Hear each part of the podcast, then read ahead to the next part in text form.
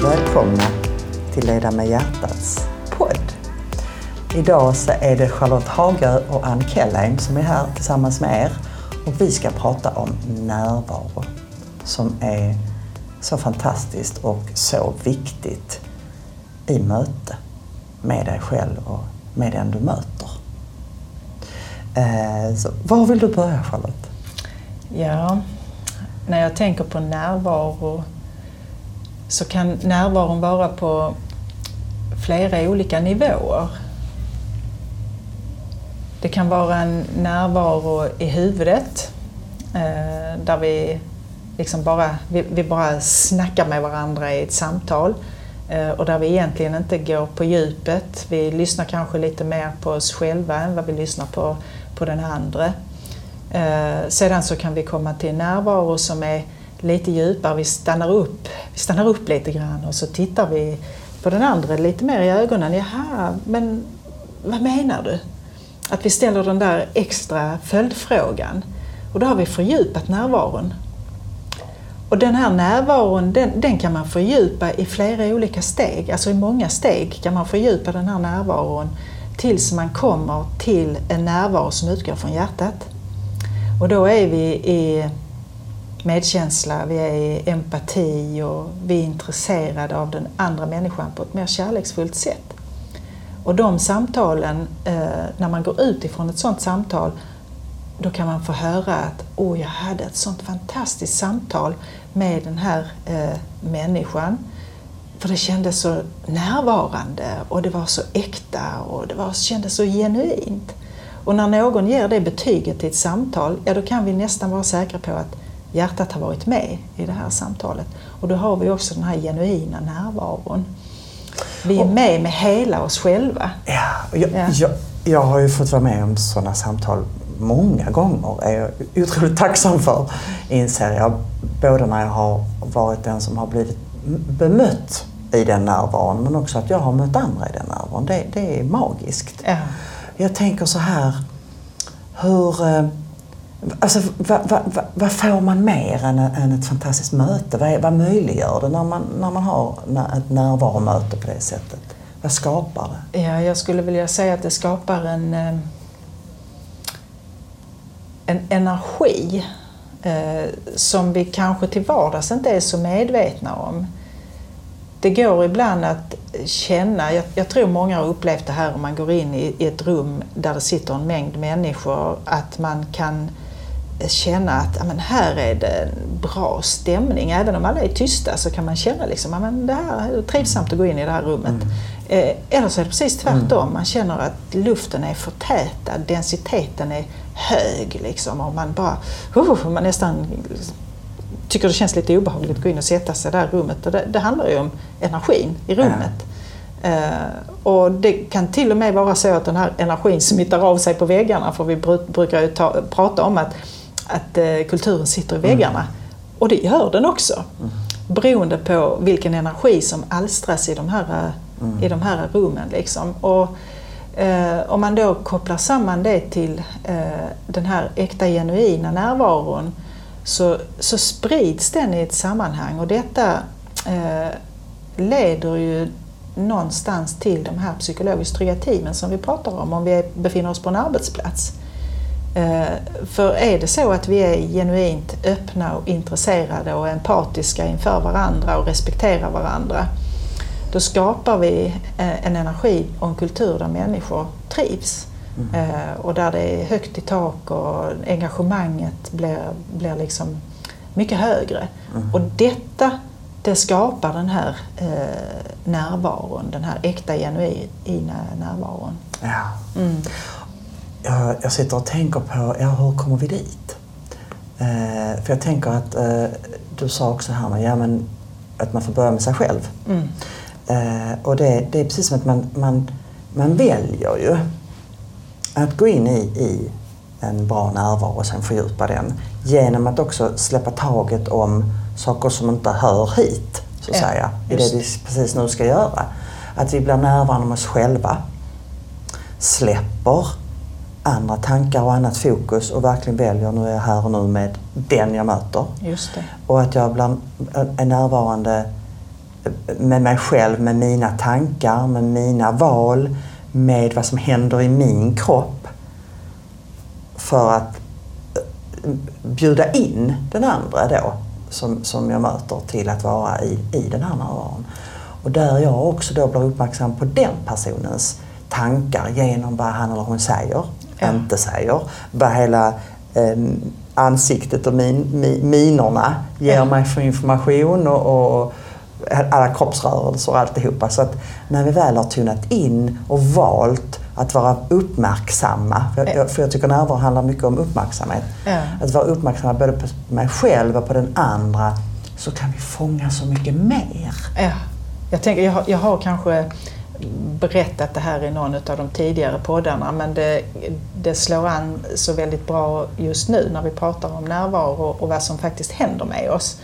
Eh, Mikael Dahlén känner många till. Han är eh, professor på Handelshögskolan i Stockholm. Eh, och han ville veta på riktigt vad det är som händer med oss i hjärnan när vi kopplar på den här närvaron och ställer oss i en annan människas skor och ser det utifrån ett annat perspektiv. Eh, Och han hade en kompis, som, eh, en läkare, som eh, röntgade hjärnor och han ställde själv upp och fick sin hjärna röntgad för han ville verkligen veta hur lång tid tar det för att hjärnan ska reagera. Och det visade sig att det tog åtta sekunder innan hjärnan började liksom skina upp i regnbågens alla färger. Eh, så det här med att man ska andas, ta ett djupt andetag eller ta ett, andas tio gånger innan du går in i ett besvärligt möte. Om du då kopplar på tanken med empati och eh, medkänsla för situationen och, och för den andra så händer det någonting med dig. Både i ditt hjärta och i din hjärna händer det någonting. Eh, rent fysiskt och det tycker jag är väldigt spännande. Ja. Eh, och att det faktiskt går att eh, förändra det här tillståndet. Tillståndet. Det går att förändra sig själv Ja. inför en situation som kanske är, är besvärlig genom jättelite övning. Ja. Så, så går det att, att hantera. Ja. Mm. Ja, i, i, det är ju inte så svårt varken teorin eller praktiken egentligen utan det är mer att göra det. Ja, och göra precis. det och göra det och göra det så att det blir naturligt. Just det. Men det är precis som du säger, det är inte, alltså alla har ju tillgång till det. Mm. Alla kan göra det och det är ett val. Och, och jag tycker det är så, så bra det här du säger om åtta sekunder för det är ju bara ett par stycken andetag. Ja. Och att ge det både till sig själv och den andra man möter. Jag, jag vet att jag eh, ofta gör det tillsammans med, nu har jag ju klienter, men jag gör det ofta tillsammans med klienter.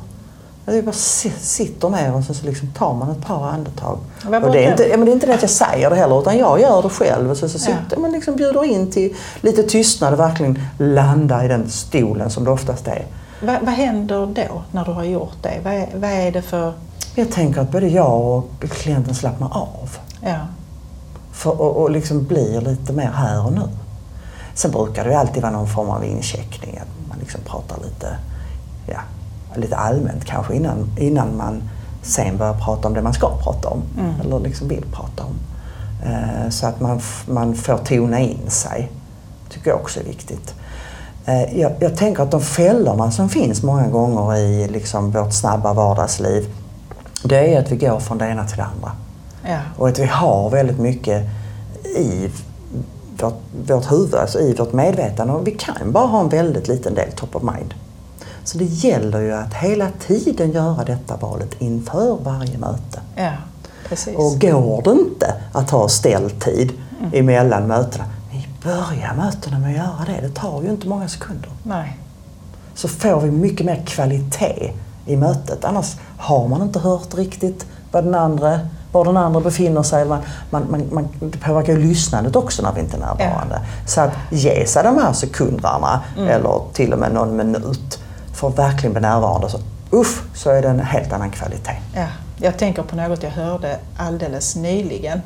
Eh, det var en man som beskrev eh, hur eh, människor, han, han reste väldigt mycket runt i hela världen och hade mycket föreläsningar och var en väldigt upptagen man och människor runt omkring honom frågade honom, ja, men är du inte stressad? Åh oh, gud vad jobbigt du mm. måste ha det. Och, ja, men liksom, det var vad folk trodde. Och så sa han, nej, inte det minsta. Jag är inte ett dugg stressad. För inom mig är det stilla. Ja. Jag är i närvaron och jag är i nuet hela tiden och i mig själv. Mm. Vilket innebär att jag har en, en, stillhet inom mig och då kan det vara stimmigt utanför mig. Just uh, och, och det uh, slog an en sträng i mig uh, där jag denna gången verkligen förstod att ja, men, den här stillheten som kommer som en um, effekt utav att vara närvarande den kan jag skapa själv. Det är faktiskt möjligt att göra det. Och, och jag har varit där några gånger eh, när jag själv pendlade mycket och flög mycket och så. Liksom, att man bara befinner sig i, i, ett, i ett lugn och inte blir stressad av allt resande och allt som eh, händer runt omkring en. Det går att nå det stadiet. Liksom. Ja. Och det tycker jag är närvaron i sin essens. Ja, verkligen. Och, och jag, jag lägger märke till att du, du pratar om nuet. Mm. Och nuet tycker jag är viktigt att prata om när vi pratar om närvaro. För att vi har ju alltid, alltid nuet. Och det som stressar oss många gånger det är ju tankar på och så ska jag göra det och så ska jag göra det. Eller det som ligger bakom oss. Varför gjorde jag så? Varför hände det? Liksom ältande och, och allt. Men, men, när vi är i nuet mm. och kan vara bara i nuet så är det väldigt vilsamt ställe att vara på. Ja, det är det. Och, och då blir vi närvarande. Så att välja nuet hela tiden. Ja. Och vill man veta mer om det så rekommenderar jag gärna både Björn Natthiko Lindeblad och Eckart Tolle. För ja. de pratar ju mästerligt om detta. Ja. Mm. Och om jag skulle ta ett exempel som är den raka motsatsen. Eh, så, eh, och, och, det här handlar om, om tankar och när tankarna blir väldigt många eh, och flera av de här tankarna är jobbiga. De är inte bara mm. många, de är jobbiga. Ja. Uh, och jag brukar likna det vid att jag är ute och kör på E6 mellan uh, Malmö och Helsingborg, vilket jag har gjort väldigt mycket men gör det inte nu längre, tack och lov. Uh, för där är det olyckor och incidenter nästan varje dag. Och om en bil då får problem av något skäl så kommer de andra bilarna väldigt tätt och det här orsakar ofta seriekrockar. Mm. Och om man betraktar sina tankar på samma sätt, att okej, okay, där är en tanke som är så pass ihärdig och ältande eh, och så kommer det ännu en sån tanke och tjongar in i den första tanken och sen kommer det ytterligare en sån tanke och tjongar in eh, i eh, det här systemet. Liksom. Och vad är det då som händer? Ja men det blir ju kaos i hjärnan. Och när det är så mycket kaos i hjärnan Eh, då är det svårt att hitta den här stillheten och då blir det också svårt att hitta eh, skärpan i, i sig själv. Man, man tappar förmågan att vara klarsynt ja. för att tankarna eh, tar upp alldeles för mycket tid.